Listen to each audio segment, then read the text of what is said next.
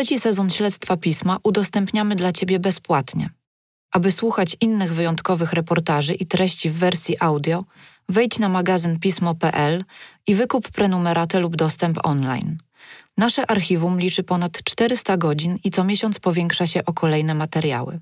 Partnerem strategicznym trzeciego sezonu śledztwa pisma jest Audioteka. W poprzednim odcinku Zostałam przymuszona do opiniowania jednej ze spraw. badanie podsądnego było nagrywane. Nagranie to zniknęło jednak, gdy sąd poprosił o przekazanie go kolejnemu składowi biegłych. To jest oczywiście trudne, bo to się dzieje z reguły w czterech ścianach, bez świadków. no to są e, strumieniem świadomości pana czy pani biegłej e, na temat tego, jaką to ladacznicą jest pokrzywdzona. Biegli czują się niemal jak podejrzani, a ich wnioski są z jakichś powodów niewygodne dla prokuratora. I przy tym, że biegli e, no, nadmiernie kreatywnie podchodzą czasami do swojej pracy. Niektóre osoby ostrzegały mnie, że dotykam bardzo mrocznych spraw, że otwieram drzwi do bardzo brudnego świata. Czy ona jakieś miała dewiacje seksualne? Do sądu trafiła w końcu inna opinia niż ta, której treść ustaliliśmy. Przez to ta, ta rodzina została zbrukana, tak? W trakcie tego procesu. Doktor ma do spraw o przestępstwa na tle seksualnym niezwykłą intuicję i szósty zmysł. Wątpliwe terapie, niezgodność płci, molestowanie seksualne, mobbing, wykorzystywanie dzieci, głośne sprawy kryminalne, tajemnice seksuologicznych gabinetów, granice etyki i solidarności zawodowej, nasza seksualność i on, wybitny specjalista, autorytet polskiej seksuologii, dobry czy zły doktor. Nazywam się Iga Dzieciuchowicz, a to jest Śledztwo Pisma. Reporterska historia opowiadana tydzień po tygodniu. Odcinek szósty. Dr Jekyll czy Pan Hyde? W poprzednich odcinkach opowiedziałam Ci o atmosferze, jaka panowała w poradni seksuologicznej przy ulicy Dolnej, a także o tym, jak wiele kontrowersji wywołały opinie doktora Wiesława w głośnych sprawach kryminalnych. Wydawało mi się, że już nic nowego mnie nie zaskoczy. Aż zagłębiłam się w akta czterech innych spraw, od których, jak może pamiętasz, zaczęło się moje zainteresowanie doktorem Wiesławem. Tam po raz pierwszy trafiłam na jego nazwisko. W każdej z nich matka oskarża męża lub partnera o wykorzystywanie seksualne dzieci. I w każdej doktor Wiesław wraz z zespołem pisał opinie, prywatne lub na wniosek sądu, które były korzystne dla ojców. Jedną z kobiet jest Weronika, której historię zaczęłam Ci relacjonować w poprzednim odcinku. Jej imię, jak również dzieci, zmieniliśmy, podobnie jak jej głos w nagraniu. Gdy jej córka Hania miała 5 lat, psycholog stwierdził u niej zaniżone poczucie wartości i skierował dziecko na terapię. Matka uważa dziś, że były to pierwsze symptomy, które świadczyły o tym, że dziecko jest wykorzystywane przez ojca. Weronika była przekonana, że jej partner molestował również młodszą córkę, Lenę. Zgłosiła to na prokuraturę. Sprawę rozstrzygał sąd, a kluczowym biegłym został doktor Wiesław.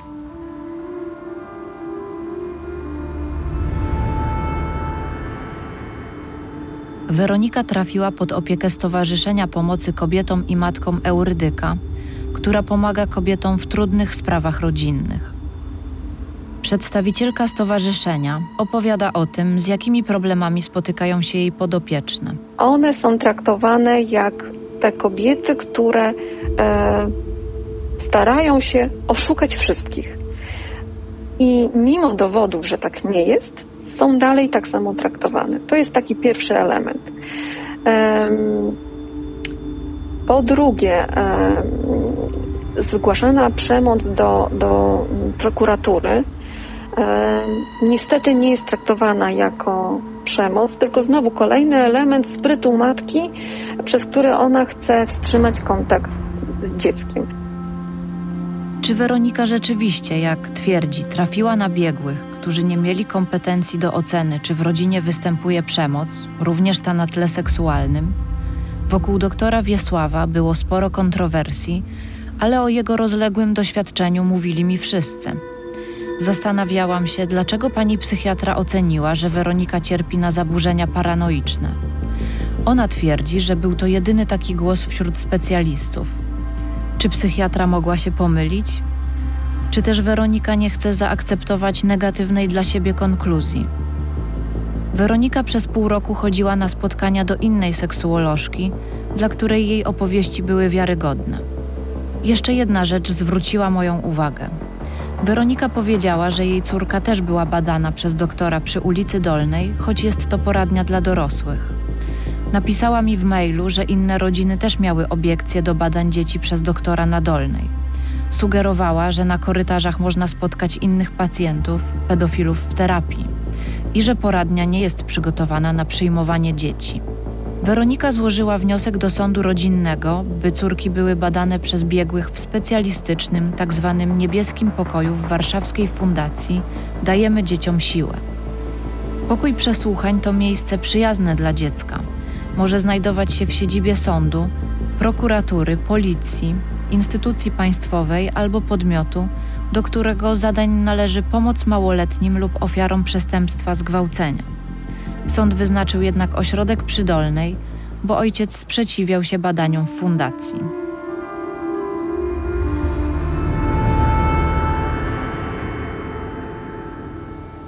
Zanim opowiem Ci, co działo się dalej, na chwilę się zatrzymajmy. Wydaje się, że bardzo łatwo określić, czy dana osoba jest pedofilem. W odbiorze społecznym to ktoś, kto dopuszcza się seksualnego wykorzystania dziecka. Tymczasem seksualność człowieka to złożony temat i nic nie jest tu proste. Nauka odróżnia tzw. Tak pedofilów preferencyjnych od osób, które wykorzystują dzieci jako obiekt zastępczy, gdy z różnych powodów nie mogą realizować swoich potrzeb z osobą dorosłą.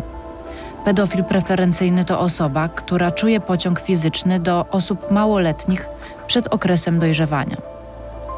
Tak tłumaczy to profesor Lew Starowicz. Seks osobami do 15 roku życia jest traktowany jako pedofilia. Po prostu. Do 15 roku życia to znaczy, że jest pedofil. Natomiast pedofilia polega pociąg do ciała dziecka przed okresem dojrzewania. Natomiast jest coś takiego jak hebefilia. Dawniej to były jeszcze takie dwie nazwy jak nimfofilia, czyli pociąg do młodych kobiet. I teraz to jest pociąg już do młodych kobiet i do młodych mężczyzn. To jest między mniej więcej w Polsce w tej chwili między 14 a 17 rokiem życia. Ale czy sądy i prokuratura rozumieją to, że osoba, która wykorzystała seksualnie dziecko, może nie być pedofilem? Niekoniecznie. Biegły seksuolog Marcin Borowski zwrócił uwagę na to, że sądy mogą na przykład interpretować opinię o tym, że dana osoba nie jest pedofilem preferencyjnym, jako dowód, że nie dopuściła się zarzucanych jej czynów. Zdaniem Borowskiego, sądy czasami nie rozumieją różnicy pomiędzy pedofilem a czynem pedofilnym, którego może dopuścić się osoba, która nie jest pedofilem z definicji. Marcin Borowski tak opowiada o trudnościach badania osób podejrzanych o to przestępstwo. Cała trudność właśnie w tym pojęciu polega na tym, że te granice są nieostre i dlatego dochodzi do wielu nadużyć, bo ten sam człowiek badany do tego samego czynu przez jednego seksuologa może być uznany za pedofila, a przez drugiego już nie, w zależności od tego, jakie kryteria przyjmie. Bo to jest bardzo nieostre, e, e, nieostre pojęcie tych zaburzeń preferencji seksualnych e, i, i przez to to ten margines błędu tam jest naprawdę e, dosyć duży. Doktor Wiesław od ponad 40 lat zajmuje się badaniem osób, które mają zaburzenia preferencji seksualnych. Miał kilkuset takich pacjentów, jest w tej dziedzinie niekwestionowanym autorytetem. W reportażu Tomasza Kwaśniewskiego, który ukazał się w 2019 roku w dużym formacie, twierdził, że pedofile preferencyjni to niewielki procent przestępstw na dzieciach.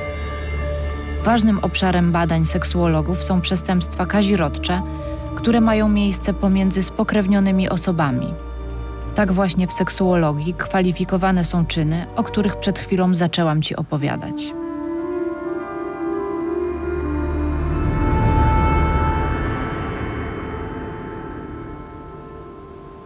Jak skończyła się ta sprawa? Biegli nie dopatrzyli się żadnych zaburzeń preferencji u ojca dziewczynek.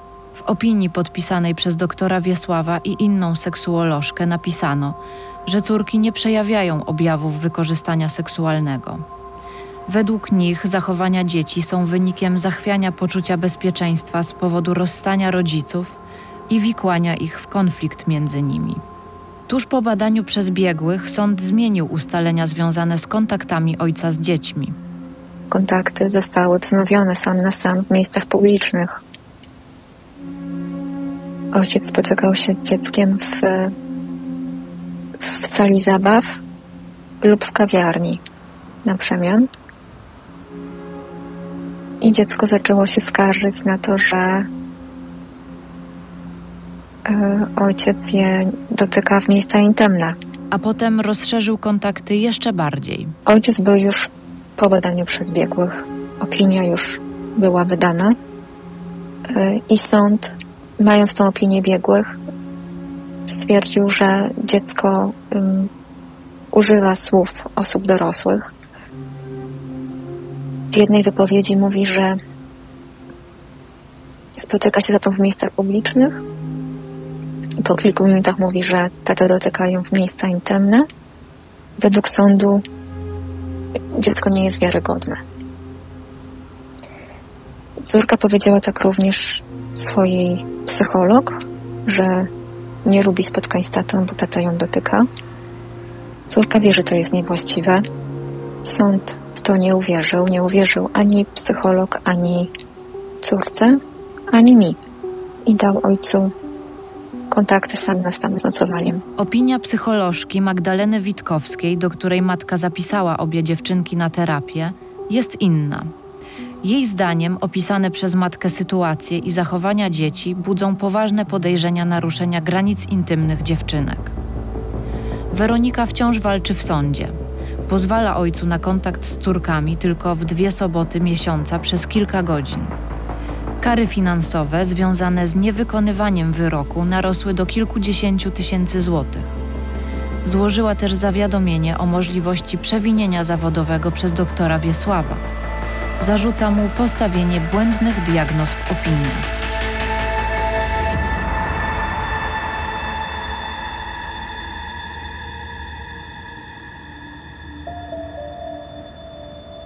Kiedy powoli dochodziłam do siebie po trudnych rozmowach z Weroniką, znowu okazało się, że sytuacja nie jest tak oczywista. Jak wiele razy w przypadku mojego śledztwa tropem doktora Wiesława. Weronika twierdzi, że jej były partner założył jej sprawę o zniesławienie. Znałam tylko jedną wersję wydarzeń. Wiedziałam, że muszę skonfrontować jej zarzuty z ojcem dzieci. Umówiłam się z nim na rozmowę. Jego wypowiedź czyta lektor, bo mój rozmówca nie zgodził się na nagranie. Miałem szczęście, że ta sprawa została wyjaśniona od podszewki. Zarzuty wobec mnie od początku były absurdalne. Po wnikliwej analizie biegłych u byłej partnerki stwierdzono zaburzenia paranoiczne. Trochę na ten temat czytałem, słuchałem podcastów. Stąd wiem, że osoby paranoiczne są inteligentne, dobrze funkcjonują w pracy, mogą zajmować wysokie stanowiska, pełnić funkcje społeczne. Mają jednak wizję fragmentu rzeczywistości, w którą ślepo i bezgranicznie wierzą. Nie potrafią przyjąć do wiadomości, że się mylą. Tych, którzy te wizje kwestionują, automatycznie uznają za swoich wrogów. Nie chcę komentować jej stanu psychicznego, bo opinie na ten temat już wydali biegli. Bardzo mi żal córek, tego, że nie mają ze mną normalnych kontaktów, a matka indukuje im fałszywy obraz ojca. Od lat są alienowane. Przełoży się to negatywnie na ich funkcjonowanie w dorosłym życiu. Od wielu lat mam drugą rodzinę, żonę, właśnie urodziło się nam kolejne dziecko. Córki są dla mnie ważne i zawsze będą. Szkoda, że doznały tyle niepotrzebnego cierpienia od matki, ale i nieefektywnego państwa. Moje wątpliwości pogłębiły informacje, że fałszywe oskarżenia o wykorzystanie seksualne dzieci są coraz częstszym zjawiskiem. Dotyczą one sytuacji, w których sąd decyduje o przyznaniu opieki nad dziećmi, podziału majątku czy w przypadku zdrady. Oskarżenie może wynikać z chęci zemsty na byłym partnerze. Rozmawiałam o tym długo z adwokatem Wojciechem Bergierem, który specjalizuje się w sprawach dotyczących wykorzystania seksualnego nieletnich. Każda ze stron wychodzi bardzo mocno pobijana, nawet jeżeli zostanie uniewinniona. No to zawsze jest ten, ten yy, efekt taki rażący dla, dla, i stygmatyzujący dla każdej ze stron, no też dla ofiar. Prawda? Jeżeli, jeżeli oskarżony zostaje uniewinniony, no to ta ofiara żyje z, z, w poczuciu, że e, no, była taka sprawa i, i ona jako ofiara, czy miała wtedy 2 czy 3 lata, czy 7, czy, czy, czy, czy 15, e, była objęta e, procedurą taką weryfikacyjną, czy była ofiarą molestowania. To jest dramat. No a dla oskarżonych to jest no to to jest no to już samo postawienie zarzutu jest już wyrokiem dla nich. Wojciech Bergier mówi o tym, że oskarżenie tego typu to tak zwana szybka śmierć dla osoby obciążonej tym zarzutem. W większości są to sprawy poszlakowe, nie ma świadków, są strzępy niespójnych informacji. Wszystko zależy od interpretacji sędziego i prokuratorów. Jak ja z tymi ludźmi rozmawiam, to jest na początku ta faza niedowierzania, a potem jest przerażenie w ogóle do, do czego to wszystko zmierza. Adwokat podkreśla, że ani służby opiekuńcze, jak szkoła, ani psychologowie, ani tym bardziej prokuratura i sądy nie są gotowe do prowadzenia takich spraw. Opowiada o kuriozalnych opiniach, gdzie szkolna psycholożka oświadcza, że skoro dziecko kiwa się na pluszaku, to świadczy to o molestowaniu. Zawsze jest to, że ktoś z osób, które są wokół tego podejrzanego na początku, a potem oskarżonego, yy, wskazuje na jakieś atypowe zachowania. Czy to dziecka, które jest, które jest związane z, z podejrzanym, czy samego podejrzanego. No i teraz przechodzimy do sedna. Jeżeli yy, w wielu sprawach przewija się na przykład relacja świetliczanki, czy pani, która w szkole podstawowej czy w jakiejś remizie prowadzi zajęcia z dziećmi. Widzi na przykład, że jedno dziecko rysuje czarną kredką. Yy, szczyty gór. No to pani świetliczanka czy, czy pani pedagog, ona to interpretuje nie wiem na jakiej zasadzie, że jest to sygnał, że dziecko ma syndrom yy, dziecka molestowanego.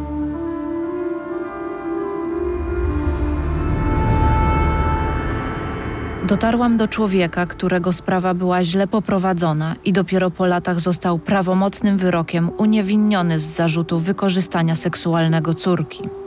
Nazywa się Mariusz Krzyśko. Jego córka miała trzy lata, gdy zdecydował się odejść od żony. Jest osobą biseksualną, podjął decyzję o rozpoczęciu nowego życia z mężczyzną. Wówczas żona oskarżyła go o skrzywdzenie córki. Jak Mariusz pamięta dzień, w którym dowiedział się o oskarżeniu? Pracowałem wtedy w banku w Zielonej Górze. Nie spodziewałem się niczego, dosłownie niczego. A siedziałem z koleżanką oczywiście w placówce. Po cywilnemu podjechał samochód. Wysiadło dwóch policjantów. Nie, dwóch policjantów. Weszli do placówki, zaprosili mnie na zaplecze, skuli mi ręce, kazali wziąć moją torbę i nic mi nie mówiąc, wyprowadzali mnie w centrum um, Zielonej Góry, no to jest centrum, to było, to było na deptaku, pracowałem do nieoznakowanego radiowozu, udało się tylko do koleżanki krzyknąć, że Kasia zadzwoń do mojej rodziny. Mariusz wspomina, że długo nie mógł otrząsnąć się z emocjonalnego szoku. Po wejściu do celi, jedyne co zrobiłem, to widziałem, gdzie jest moje miejsce. To było akurat było dwupiętrowe łóżko, byłem na górze. Położyłem się tak, jak stałem, w garniturze, krawacie, do łóżka. To było popołudnie. Do następnego popołudnia nie zeszłem, w ogóle nie schodziłem z łóżka, nie byłem w toalecie. Nie wiem, po prostu biłem się z myślami. Spędził w areszcie trzy tygodnie. Sprawa ruszyła. Wojciech Bergier mówi o tym, jak eksperci myślą o tym w sądach. Lepiej y, zrobić więcej, jeśli chodzi o, o ochronę ochronę tego dziecka, niż mniej niż mieć zarzut tego, że, że nie dopilnowali sytuacji dziecka. A w tle jest no, dramat obu stron, czyli podejrzewanego czy podejrzewanej, jak, jak, jak i tego, tej ofiary domniemanej czy, czy, czy, czy, czy rzeczywistej. No i tu jest cały, cały problem. Materiał dowodowy. Potem każdy, yy, każdy ślad świadczy przeciwko klientowi. W przypadku Mariusza batalia sądowa trwała 7 lat. Uniewinniono go w 2020 roku. Prawnik Marek Piotr Haładuda wyjaśnił mi, jak doszło do uniewinnienia jego klienta. Sąd dostrzegł znaczne luki w materiale dowodowym, które zostały przeze mnie podniesione. Drugi zwrot nastąpił, gdy sąd pierwszej instancji w Nowej Soli odtworzył zapis przesłuchania małoletniej córki pana Mariusza. Dopiero wtedy sędzia zrozumiał, że to przesłuchanie urągało wszelkim zasadom dochodzeniowo-śledczym. Było przeprowadzone w sposób sugerujący wypowiedzi i przy udziale matki oraz psychologa, który nie sprostał zadaniom stawianym przed nim przez fachowców w tego typu sprawach. Trzeci akt to opinia psycholog pani Agnieszki Felińskiej, która wprost zmiotła z powierzchni ziemi poprzednią opinię psychologiczną i w sposób chirurgiczny rozprawiła się z karygodnie przeprowadzonym przesłuchaniem małoletniej. Mariusz Krzyśko przeszedł testy osobowościowe i seksuologiczne. Jego córka ma dziś 10 lat. Mariusz nie widział jej od siedmiu. Nie wiem, co mam teraz powiedzieć. Naprawdę, nie mam żadnego pojęcia. My jej nawet na ulicy nie poznam.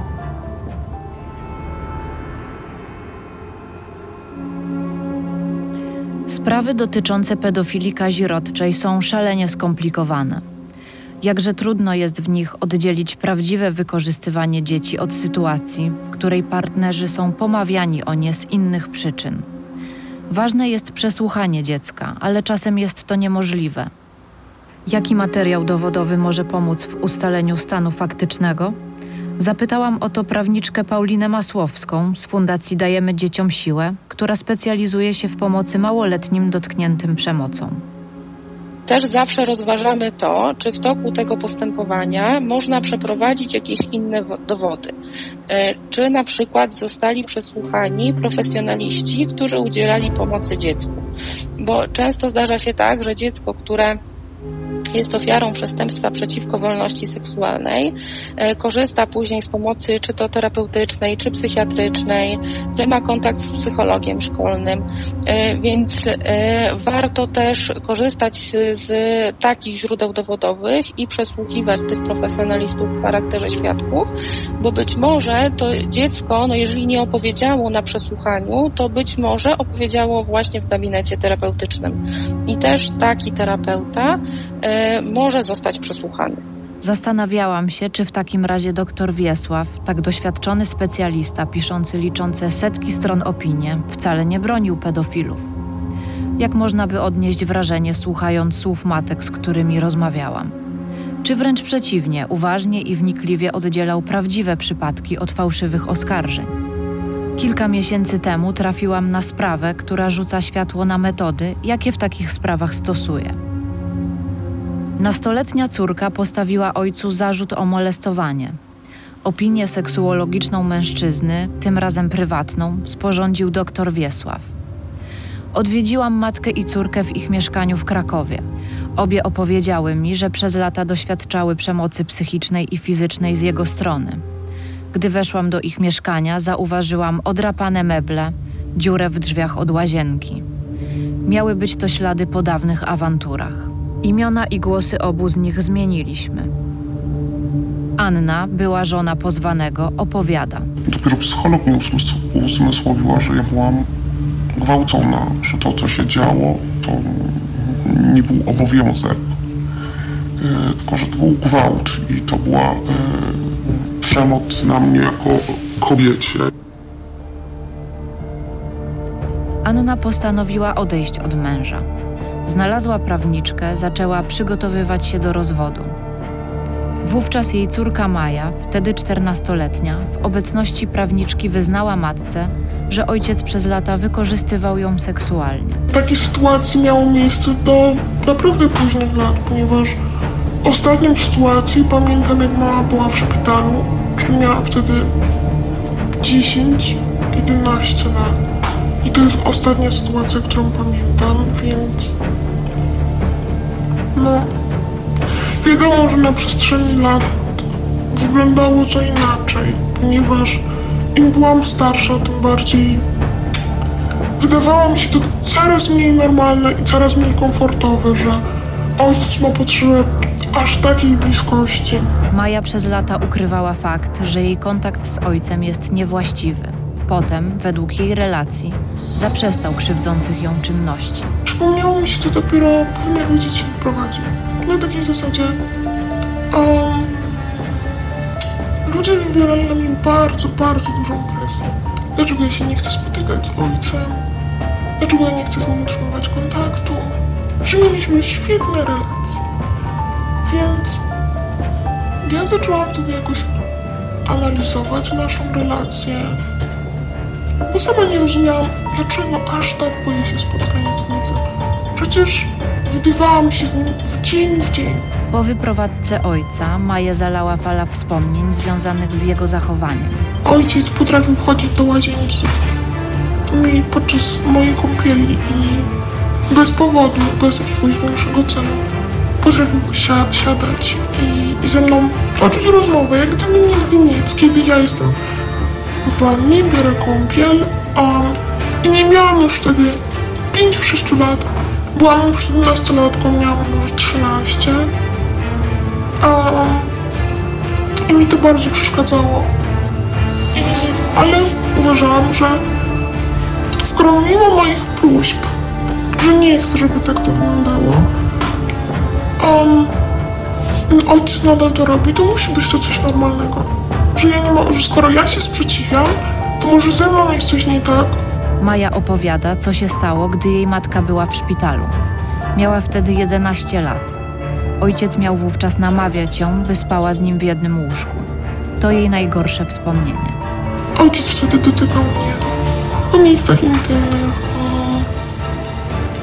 Nam zostało to określone przez jedną panią psycholog, że ojciec mnie wtedy penetrował. Do prokuratury zostało złożone zawiadomienie o możliwości popełnienia przestępstwa, ale sprawę umorzono. Mimo tego, że biegli psycholodzy uznali zeznania Mai za wiarygodne. Dziewczyna jest pod opieką psychologa i psychiatry, boryka się z traumą. Skontaktowałam się z ojcem Mai. Nie zgodził się na nagranie rozmowy, ale poprosił o odczytanie jego oświadczenia. Czyta je lektor. Z wielką chęcią wziąłbym udział w wywiadzie, ale mogę to zrobić dopiero po prawomocnym zakończeniu wszystkich spraw, w tym sprawy rozwodowej. Odniesienie się w tym momencie do interesujących panią redaktor kwestii wymagałoby ujawnienia faktów, a zatem i informacji, które na obecnym etapie objęte są zarówno tajemnicą postępowania przygotowawczego, jak i sprawy rozwodowej oraz tajemnicą lekarską. Nie chciałbym również publicznie roztrząsać spraw naszego życia rodzinnego. Jedyne, co mogę powiedzieć, to, że przyczyną rozpadu małżeństwa było wieloletnie niewłaściwe zachowanie żony, które doprowadziło finalnie do rozpadu rodziny. Pragnę dodać, że zarzuty kierowane pod moim adresem są nieprawdziwe, co po części zostało potwierdzone prawomocnymi orzeczeniami. W świetle obowiązujących przepisów prawa, powtarzanie kłamliwych zarzutów nie powinno mieć miejsca.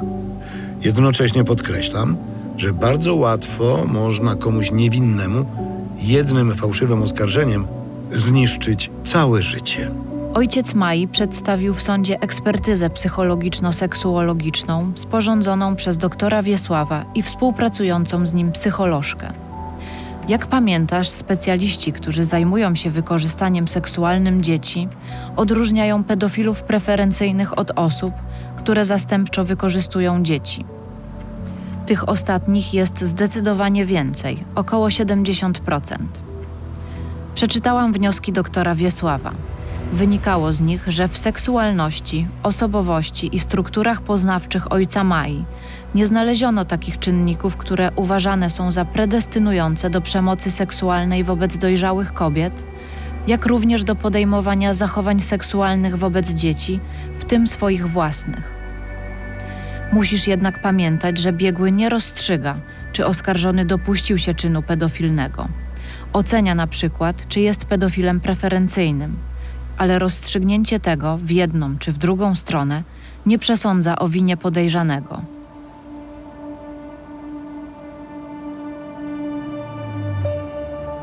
Moją uwagę zwróciło, że dodatkowym narzędziem badawczym był pletyzmograf fallometryczny. Na czym polega takie badanie? Posłuchaj, co doktor napisał w opinii. Jego słowa czyta lektor. Przeprowadzone badanie fallopletyzmograficzne polegało na pomiarze trzech parametrów dotyczących zmian w rozmiarze prącia badanego długości, objętości oraz pola przekroju. Podczas badania prezentowano badanemu trzy rodzaje bodźców seksualnych w trzech seriach. Pierwsza seria zawierała zdjęcia o charakterze heteroseksualnym, druga zdjęcia o charakterze homoseksualnym, a trzecia zdjęcia o charakterze pedofilnym. W każdej serii był prezentowany film o czasie trwania 10 minut. Urządzenie nie zarejestrowało u badanego pobudzenia seksualnego podczas prezentowania mu treści erotycznych o charakterze pedofilnym.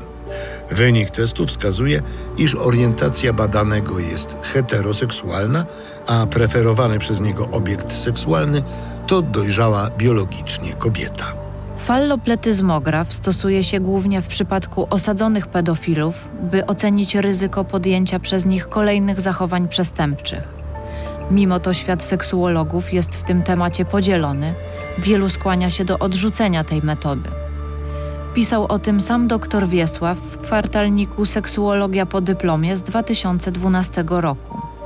Był współautorem tekstu o badaniach fallopletyzmografem. W artykule wskazano, że według danych z literatury nawet 80% badanych było w stanie uniknąć reakcji genitalnej podczas prezentowania treści erotycznych. O badanie fallopletyzmografem postanowiłam zapytać innego biegłego seksuologa, Marcina Borowskiego. Nigdzie na świecie nie używa się fallopletyzmografu do diagnozy sądowej, czyli do diagnozy zaburzeń preferencji seksualnych na potrzeby sądowe. Zastanawiałam się, dlaczego dr Wiesław zastosował tak kontrowersyjną metodę badawczą w tej konkretnej opinii. Przecież przed kilkoma laty sam przedstawił różne wątpliwości o skuteczności tego podejścia. O tym, że badanie fallopletyzmografem jest mało wiarygodne, mówi też profesor Lew Starowicz. A jeśli chodzi o pletyzmografię, to na przypadku pedofilów się zwyczajnie nie za bardzo sprawdza, dlatego, bo gdyby ta metoda była stosowana 50 lat temu, to by się bardziej sprawdzała. A teraz y, przecież te zdjęcia są tak robione, że y, przecież kobiety są też na ogół zdepilowane. No więc trudno powiedzieć, kto jest pedofilem, a kto nie jest. Poza tym 10% dorosłych mężczyzn normalnych, zdrowych, heteroseksualnych też reaguje na y, tą pornografię pedofilną. Dlatego to nie jest metoda, y, którą można traktować jako taką y, wiarygodną. Stosowanie fallopletyzmografu to nie jedyna wątpliwość, jaka pojawia się przy opiniach doktora. Pamiętasz, o czym opowiadała mi Weronika? A kontrowersje w innych sprawach sądowych, o których opowiadałam ci w poprzednim odcinku? Zastanawiałam się, ile warte są jego opinie. Czy pod setkami stron, które pokazywała mi Weronika, może ukrywać się brak kompetencji? A może jest na odwrót? I jak twierdzą jego bliscy współpracownicy i przełożeni, doktor jest świetny w tym, co robi i zwykle nie pudłuje, a jego specjalistyczna wiedza w tej dziedzinie jest dla sądów bezcenna?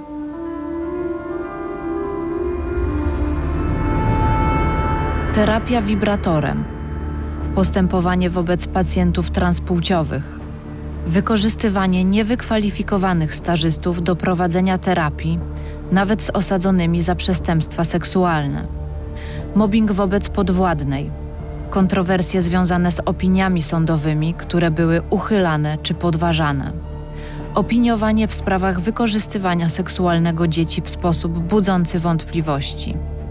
Techniki badawcze, które uważane są za niemiarodajne. A równocześnie, pomimo tych wszystkich zdarzeń, uznany specjalista, wykładowca, seksuolog z kilkudziesięcioletnią praktyką, biegły sądowy opiniujący w kolejnych sprawach, człowiek, o którym wielu byłych studentów, stażystek, koleżanek i kolegów po fachu wyraża się z uznaniem. Miałam już dużo zgromadzonych materiałów o doktorze Wiesławie. Uznałam, że czas najwyższy skonfrontować go z tym wszystkim. Jak zapewne pamiętasz, by lepiej poznać doktora i jego metody, umówiłam się do niego na terapię. Ponieważ trwała pandemia, moje spotkanie było wirtualne i zrobiło na mnie, o czym już opowiadałam, dobre wrażenie. Ale kontakt się urwał. Z początku myślałam, że zawiesił praktykę. Potem sądziłam, że nie odpowiada, bo dowiedział się, że jestem reporterką. Zwróciłam się do niego z prośbą o spotkanie w gabinecie. Nadal nie odpowiadał. W końcu napisałam SMS-a, że przygotowuję o nim materiał dziennikarski i proszę o rozmowę. I kiedy już myślałam, że nie uda mi się z nim porozmawiać, po kilku godzinach nieoczekiwanie odpowiedział na moją wiadomość. Doktor zadzwonił do mnie. Wyjaśnił, że nie wiedział, że jestem dziennikarką, a nie odpisywał, bo w czasie pandemii nadal nie może przyjmować pacjentek w gabinecie. Był wobec mnie uprzejmy i chętnie odpowiadał na pytania. Miałam wrażenie, że ta rozmowa bardziej stresowała mnie niż jego. Z jednej strony chciałam skonfrontować go z zarzutami, z drugiej dać szansę na obronę czy wyjaśnienie najważniejszych kwestii. W głębi duszy zależało mi chyba, żeby doktor okazał się osobą godną zaufania, która po prostu popełniła błędy. A on przyznał, że ma obawy związane z przygotowaniem tego materiału. Nie ukrywam przed panią, no bo rozmawialiśmy, że, e, że e, mam niepokój w związku z, z, z, tym, z tym paniem, bo to jest wracanie do czegoś, e, do czego już nie chciałem wracać. No i w zasadzie tej znajomi koledzy absolutnie nie odradzali rozmowę z panią, no ale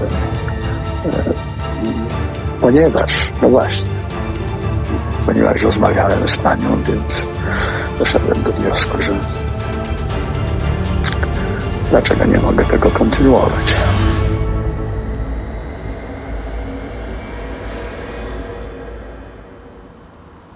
Zapytałam doktora o terapię wibratorem. Jak pamiętasz, sprawa była opisywana w mediach, a trzy pacjentki złożyły na niego skargę do sądu lekarskiego. Otrzymał naganę za to, że nie dopilnował, by pacjentki wyraziły na takie badanie zgodę. Zapłaciłem za to e, ciężkim zawałem serca, po którym z trudem się podźwignąłem na tyle, że mogę pracować. E, to jest jedna sprawa. A druga sprawa, no, e, rzeczywiście chyba e, to było przed wakacjami popełniłem e, błąd, bo nie wziąłem wtedy pisemnej zgody. E, być może mm, za mało czasu poświęciłem na to, żeby odpowiednio przygotować od strony takiej psychicznej. E, także no cóż, cóż, cóż mogę powiedzieć. Doktor niczego się nie wypierał. Miał świadomość tego, jak czuły się pacjentki. Powiedział, że najgorzej jak się wpada w rutynę. Wtedy popełnia się błędy. Nie zadbałem wtedy o taki komfort psychiczny, o bezpieczeństwo. Poczucie bezpieczeństwa. Za szybko to było. Doktor wyjaśnił mi też, jak teraz wygląda takie badanie. Jeżeli, jeżeli już, to jest najpierw wyjaśnienie pisemne i, i zgoda, świadoma, tak zwana świadoma zgoda, czyli pacjentka wszystko wie i wie, że w każdej chwili może przerwać i, i, i także no, nie zdarzają się, nie zdarza się taka, taka sytuacja. A praca z osobami transpłciowymi? Oskar nie chciał, bym podała doktorowi jego nazwisko, więc ten nie mógł się odnieść do konkretnego przypadku. Ale powiedziałam mu, że rozmawiałam z pacjentem, który do dzisiaj czuje się przez doktora bardzo skrzywdzony. mimo że od terapii minęło wiele lat. Mogło się zdarzyć, y, absolutnie, proszę Pani, no na tyle lat pracy, jak, jak się pracuje, że po prostu popełniłem błąd. No, absolutnie to dopuszczam. No. Jakbym nic nie robił, no to rzeczywiście wtedy y, nie ma błędu. A mogło się zdarzyć, że wśród tylu pacjentów E, bo naprawdę e, w latach 80., w latach 90., na początku bardzo dużo e, przyjmowałem liczną grupę tych pacjentów, że w stosunku do któregoś no, moja diagnoza nie była diagnozą prawidłową. Doktor tłumaczył, że od tamtego czasu wiele się zmieniło. Opracowane zostały nowe wytyczne pracy z osobami z dysforią płciową. Większa jest też liczba przypadków, a tym samym rozleglejsza baza wiedzy. W szczególności wzrasta liczba osób niebinarnych, które nie określają się jednoznacznie jako mężczyzna lub kobieta. Ale to wszystko nie tłumaczyło takich sytuacji jak Wielki Dzień opisywany przez Oskara, czyli stawiania pacjentów przed grupą studentów i zmuszania do tego, by opowiadali o najbardziej wrażliwych kwestiach pod presją, że od tego zależą dalsze zalecenia dotyczące tranzycji. Doktor zdecydowanie temu zaprzeczył. To już zawsze było po diagnozie, e, wtedy, kiedy już była e, rozpoczęta, rozpoczęta terapia. Zawsze to było na zasadzie pytania, ba, bardzo chętnie i ci, którzy na przykład raz wystąpili, pytali, czy mają możliwość y, y, później drugi raz czy trzeci raz. E, były osoby, które po kilka razy. Oskar z pewnością nie chciał powtórzyć sytuacji, o której tak przejmująco mi opowiadał. Ale absolutnie, one już zakończyły terapię, e, jednak chętnie e, no, przedstawiały w ogóle problem związany z, ze zmianą, z, z tranzycją. Ale o przekonaniu, że odmowa oznaczać będzie brak skierowania na kolejne kroki tranzycji, mówił mi nie tylko Oskar. Doktor Wiesław jednak zdecydowanie zaprzeczał. To jest zawsze, e, proszę pani, na zasadzie pytania, czy wyraża zgodę. W opowieści Oskara uderzyło mnie też, że doktor zwracał się do niego obraźliwie. Doktor wydawał się oburzony tym zarzutem. Że kochany, proszę pani, w, w życiu nigdy w ten sposób e, nie mówię. E, to jest jedna sprawa, a e, taka diagnoza to nie jest po jednej wizycie, dwóch, pięciu. Kiedyś był, co najmniej musieli być dwa lata w obserwacji. Takie były standardy żeby można było ostatecznie e, e, powiedzieć na przykład, że e, rzeczywiście nie mamy do czynienia z transseksualizmem, bo takie jest rozpoznanie do tej pory obowiązujące według klasyfikacji. Dopiero po dwóch latach postawić można było diagnozę. Teraz w tej chwili możemy po pół roku, bo takie są standardy a nie po jednym czy po dwóch spotkaniach i to jeszcze mamie powiedziałem w ten sposób i to w sposób jakiś obraźliwy. Absolutnie nie. Po chwili dodał jeszcze. Nie wszyscy się kwalifikują do, z różnych powodów do e, tranzycji, e, ale e, to w żaden sposób e, nie, nie upoważnia nikogo do tego, żeby w jakiś obraźliwy sposób się odnosić do tej osoby. E, na pewno nigdy w ten sposób nie powiedziałem e, do pacjenta.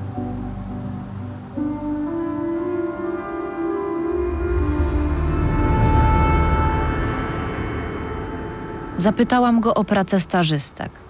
Poradni było mnóstwo pacjentów, a doktor chyba nie do końca potrafił kontrolować to, co dzieje się przy ulicy Dolnej. Byłem sam, może ale ja zwykle e, siedziałem w, w, w, w poradni od, od godziny 8 do godziny 19 e, albo jeszcze później e, i, i, i jednak znaczy myślę, że takim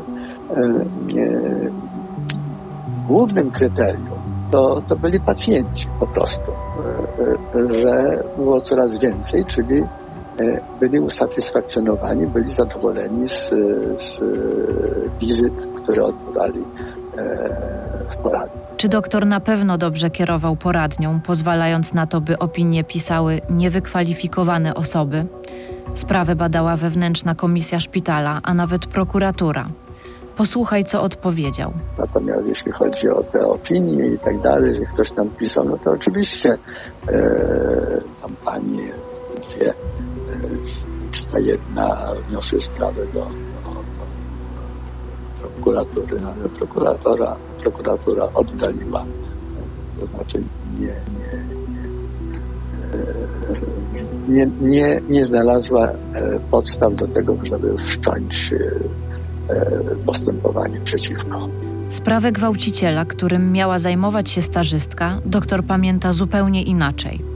Jego zdaniem chodziło o pedofila w terapii. Ta osoba e, odsiedziała e, wyrok, e, została skierowana z powrotem na dolną, była w terapii grupowej, którą ja prowadziłem z, z, e, już z, z, tym doświadczeniem, tudzież e, e, psycholog, terapeuta też doświadczony i w trakcie odbywania terapii grupowej dopuściła się, dopuściła się przemocy seksualnej wobec dziecka i z powrotem wróciła do zakładu karnego. I zwrócił uwagę, że terapie nie są w stanie pomóc wszystkim. Jeśli chodzi o powrotność do przestępstwa, to nie, leczo, nie leczeni tacy sprawcy, którzy mają zaburzenia preferencji, no to jest powrotność do, do, z powrotem na granicach 60%. A wtedy, kiedy mają terapię, czy odbędą terapię, no to w granicach 15-20%. No ale no niestety zdarza się. No i nic na to nie, nie poradzimy. Nie wszyscy są, nie wszyscy są uleczalni, no po prostu. Usłyszałam jeszcze jedną ważną rzecz. Zaburzenia preferencji seksualnych są stanem przewlekłym i nieuleczalnym. E, można je tylko e, monitorować wyuczyć, dać kompetencje pacjentowi, żeby e, e, mógł się, e, potrafił się powstrzymać. A udaje się to? Tak, u części absolutnie tak. No dlatego ma sens całe, całe leczenie. Ale nie ma żadnych metod psychiatrycznych, psychologicznych, seksuologicznych, gdzie możemy powiedzieć, ten pacjent już przestał być pedofilem. Ten pacjent przestał być sadystą gwałcicielem. E, ten pacjent przestał być zabójcą na tle seksualnym. Słuchałam doktora z dużą uwagą i pomyślałam, że na pewno jest bardzo dobrym wykładowcą, a sprawy, którymi się zajmuje, są niesłychanie interesujące. Ale w tym momencie bardziej byłam ciekawa, jak wytłumaczy nieprzyjemną dla niego sprawę mobbingu na podwładnej. Nie, akurat w stosunku do, akurat w stosunku do tej pani e, absolutnie nie czuję się, e, nie czuję się nie, w jakimkolwiek stopniu. W mhm. jakimkolwiek, wręcz, e, wręcz odwrotnie. No. To zamknięta sprawa e, rzeczywiście. E, jeśli chodzi o komisję taką wewnątrz e, szpitalną, bo to wtedy oparło się o komisję wewnątrzszpitalną i o komisję e, Warszawskiego Uniwersytetu Medycznego, nie stwierdzono. No ale no, w sądach bywa różnie. Mhm. Sąd stwierdził, e, chciałbym, aby ta sprawa była już w ogóle, wszystkie sprawy, aby były zamknięte, bo już jestem starszym panem i i, i, i, i, już nie mam e, tyle odporności, co miałem. Najwyraźniej doktor uważał, że to wszystko było częścią twardej szkoły życia, wysokich wymagań, jakie stawiał i dzięki którym jego studenci osiągali sukcesy. Dużo pracowaliśmy, wszyscy dużo pracują i wszyscy, którzy jakoś tam ze mną e, współpracowali i którzy w tej chwili e, e, już sami prowadzą szkolenia, e, wykładają, e, no wiedzą, że trzeba było dużo, trzeba było dużo włożyć pracy i pracować. E, I, osiągnęli sukces, osiągnęli sukces zawodowy. Po prostu no, zaczynali no, zaczynali tak jak, jak ta pani. A przezywanie podwładnej, strzelanie gumką recepturką czy uderzanie w plecy? Czy to też należało do repertuaru akceptowalnych zachowań? Było częścią szkolenia przyszłych specjalistów? To ja już miałem, nie wiem, ponad 60 lat. No, strzelanie z gumek recepturek, owszem, pamiętam e, ze szkoły podstawowej, nawet nie recepturek, tylko tam inne były wtedy. E, rzeczywiście pani się e, garbiła. Był tego, był tego powód. E, co najwyżej ją dotknąłem po plecach i mówiłem, żeby się wyprostowała, nie uderzałem. I dodał bardzo zdecydowanie. Nigdy nikogo nie uderzyłem. Proszę pani. Jako dorosły człowiek nigdy nikogo nie uderzyłem. Niektóre z dawnych stażystek, które nie widziały w tamtych zdarzeniach oznak mobbingu, twierdziły, że doktor zaufał niewłaściwym osobom. Zapytałam go o to. Zapadła długa cisza.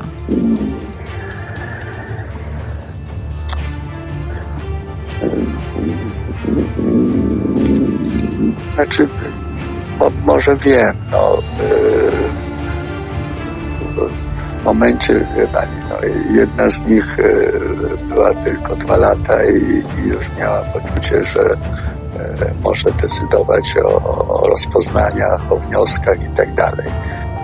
Tak to one były no, na świeczniku, były wyróżniane po prostu.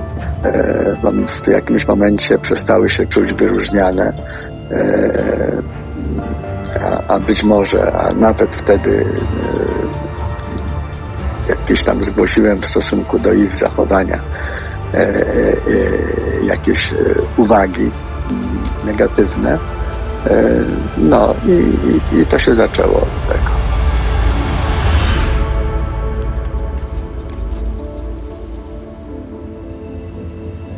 Byłam bardzo ciekawa, jak doktor wytłumaczy przypadki podważonych opinii. Z poprzedniego odcinka śledztwa pamiętasz zapewne wątek opinii w sprawie byłego prezydenta Olsztyna, oskarżonego o zgwałcenie pracownicy. Zapytałam go, czy był zaskoczony tym, że były prezydent został uniewinniony. Nie. Taka była nasza opinia. Doktor Wiesław uważa, że to dobrze, że w tych sprawach opiniowały stażystki. Sąd wyraził na to zgodę, a one się wtedy kształciły. Twierdzi również, że nie ma nic złego w konsultowaniu opinii przez członków zespołu biegłych. Nie ma prawnego, e, pani, zakazu takiej konsultacji. Wszystko, co sprzyja temu, żeby opinia była bardziej rzetelna, bardziej prawidłowa, e, można robić. No, można konsultować na przykład e, w, w w gremium, które nie jest biegłymi w tej sprawie, ale mam jakiś problem, prawda, którego rozważam. I ja mogę skonsultować to z osobami, które uważam, że są bardzo doświadczone akurat w, w, w tym, w tym zagadnieniu. Ciekawiła mnie kwestia fallopletyzmografu. To naprawdę rzadkie urządzenie. Jeden jest u nas w, w, w poradni, już zakupiony ileś tam lat wstecz. Drugi jest w Krajowym Ośrodku Zapobiegania Zachowaniom Dyssocjalnym w Gostyninie i chyba trzeci jest w Słupsku. A rozbieżne opinie o wiarygodności badań przeprowadzanych z jego pomocą? Jest to tylko dodatkowy wynik, który sam w sobie, czy, czy dodatkowe badanie, które samo w sobie nie może stanowić podstawy do e, diagnozy. Natomiast e, jeżeli e, jakoś współgra w ogóle z całą diagnozą kliniczną, no to jest, to jest wartościowy. To takie, sądy... badanie, takie badanie robi się wyłącznie za zgodą pacjenta.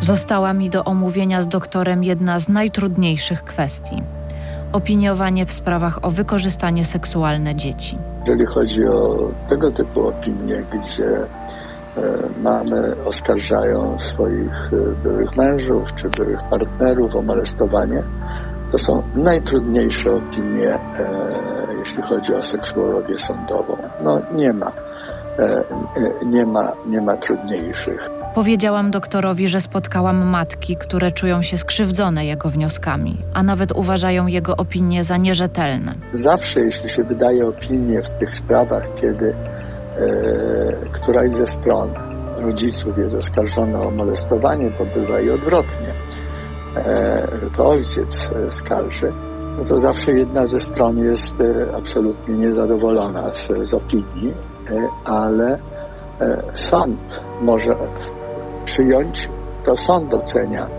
e, jakość merytoryczną moją opinię. Może ją przyjąć bądź odrzucić. Jestem przewodniczącym sekcji seksuologii sądowej przy Polskim Towarzystwie Seksuologicznym, więc e, no, chyba koledzy seksuolodzy e, uznali, że jestem osobą dosyć kompetentną, żeby pełnić poza rolą wiceprezesa Polskiego Towarzystwa Seksuologicznego i również rolę przewodniczącego sekcji seksuologii sądowej.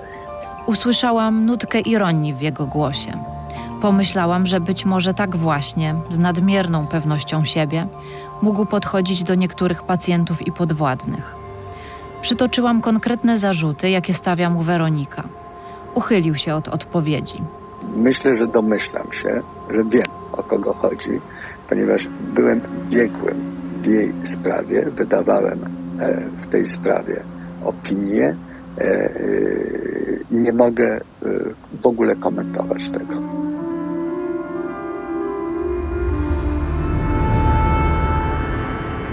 Moja rozmowa z doktorem powoli dobiegała końca. Dobry czy zły doktor? Czy znalazłam odpowiedź na swoje pytanie? Przypomniało mi się, jak wiele słyszałam pozytywnych opinii o nim. Na przykład od Agaty Lewe, która mówiła, że uwielbiała doktora i zajęcia z nim. Albo Michała Pozdała, twierdzącego, że doktor wszystkiego go nauczył. Że my w pewnym momencie zauważamy, że nasi mistrzowie nie są bogami, że popełniają czy popełniali błędy i zaczynamy szukać innych źródeł wiedzy, już nie tak do końca opartej na danej osobie, ale na na badaniach naukowych, jeździmy na konferencje, rozwijamy się i widzimy zmiany i my się rozwijamy, a dzięki temu my się stajemy lepsi. Ale to nie znaczy, że ja będę teraz dewaluował mistrzów, od których ja się uczyłem. Dlatego, że mam dla nich ogromny szacunek, bo dzięki nim i ja umiem to, co umiem. Ale pamiętałam też głosy osób, które czuły się skrzywdzone przez doktora. To nie jest moim zdaniem zdrowy człowiek. Zdrowa osoba tak nie I w naszym społeczeństwie ktoś taki od kilkudziesięciu lat pełni bardzo ważną publiczną funkcję. Weronika też opowiedziała mi o swoim wrażeniu. Wydaje mi się, że on, on do kobiet ma takie stanowisko, takie podejście. Um, no, no nie wiem, no, mam takie wrażenie, że, że nie uważa za autorytet. A są jeszcze ci wszyscy, którzy nie chcieli się wypowiadać pod nazwiskiem, ani nawet anonimowo, przy zmienionym głosie, bo lękali się o swoje miejsca pracy i perspektywy kariery, czy wręcz obawiali się pozwów sądowych z jego strony. Nie sądzę, by moi bohaterowie zmienili swoje zdanie na temat doktora. A ja, po wielu miesiącach mojego śledztwa, wciąż zastanawiam się nad tym, jaki naprawdę jest doktor i nie umiem tego kategorycznie stwierdzić. Byłam wstrząśnięta i poruszona relacjami pacjentów i pacjentek. Myślałam o Marii, która nie chciała wracać do bolesnych dla niej spraw. Współczułam moim bohaterom ich trudnych doświadczeń.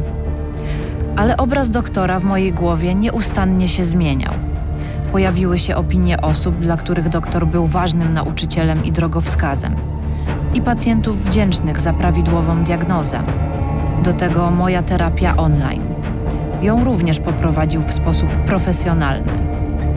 W naszej finałowej rozmowie przyznał, że popełniał błędy, ale równocześnie nie czuł się winny mobbingu. A gdy dopytywałam o trudne tematy przestępstw seksualnych, w tym pedofilii, w jego odpowiedziach wyraźnie słyszałam ton dużej pewności siebie. Raz sądziłam, że z pewnością jest czarnym charakterem, po czym ogarniały mnie wątpliwości, czy nie osądzam go zbyt surowo. Pytałam sama siebie, co z osobami, które do dziś odczuwają skutki błędów doktora, z pacjentami, w których pozostał duży uraz psychiczny. A potem zastanawiałam się, czy można podważyć tak długie życie zawodowe na podstawie kilku kontrowersyjnych wydarzeń. Przecież zadowoleni pacjenci nie zgłaszają się do dziennikarzy. A jeśli już znalazłam uchybienia, to jak je interpretować?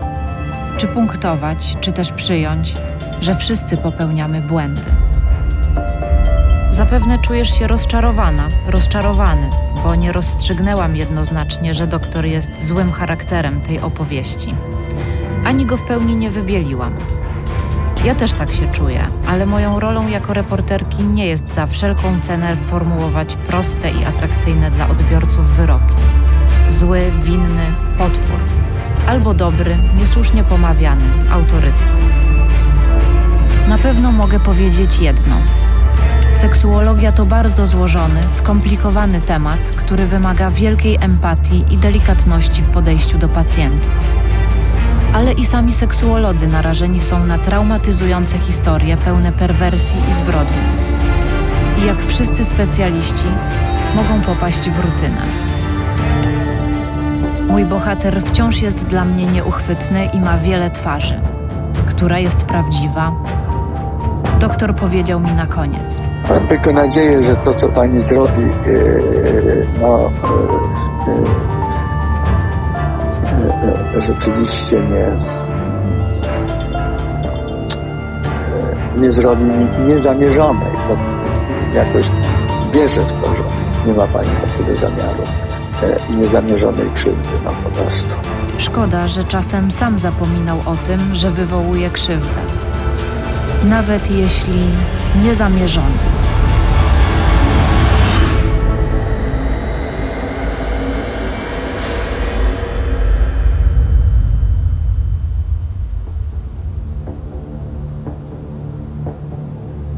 Śledztwo Pisma, pierwszy polski reporterski serial podcastowy, wyprodukowała Fundacja Pismo, wydawca miesięcznika Pismo, magazyn opinii i kanału Pismo do słuchania.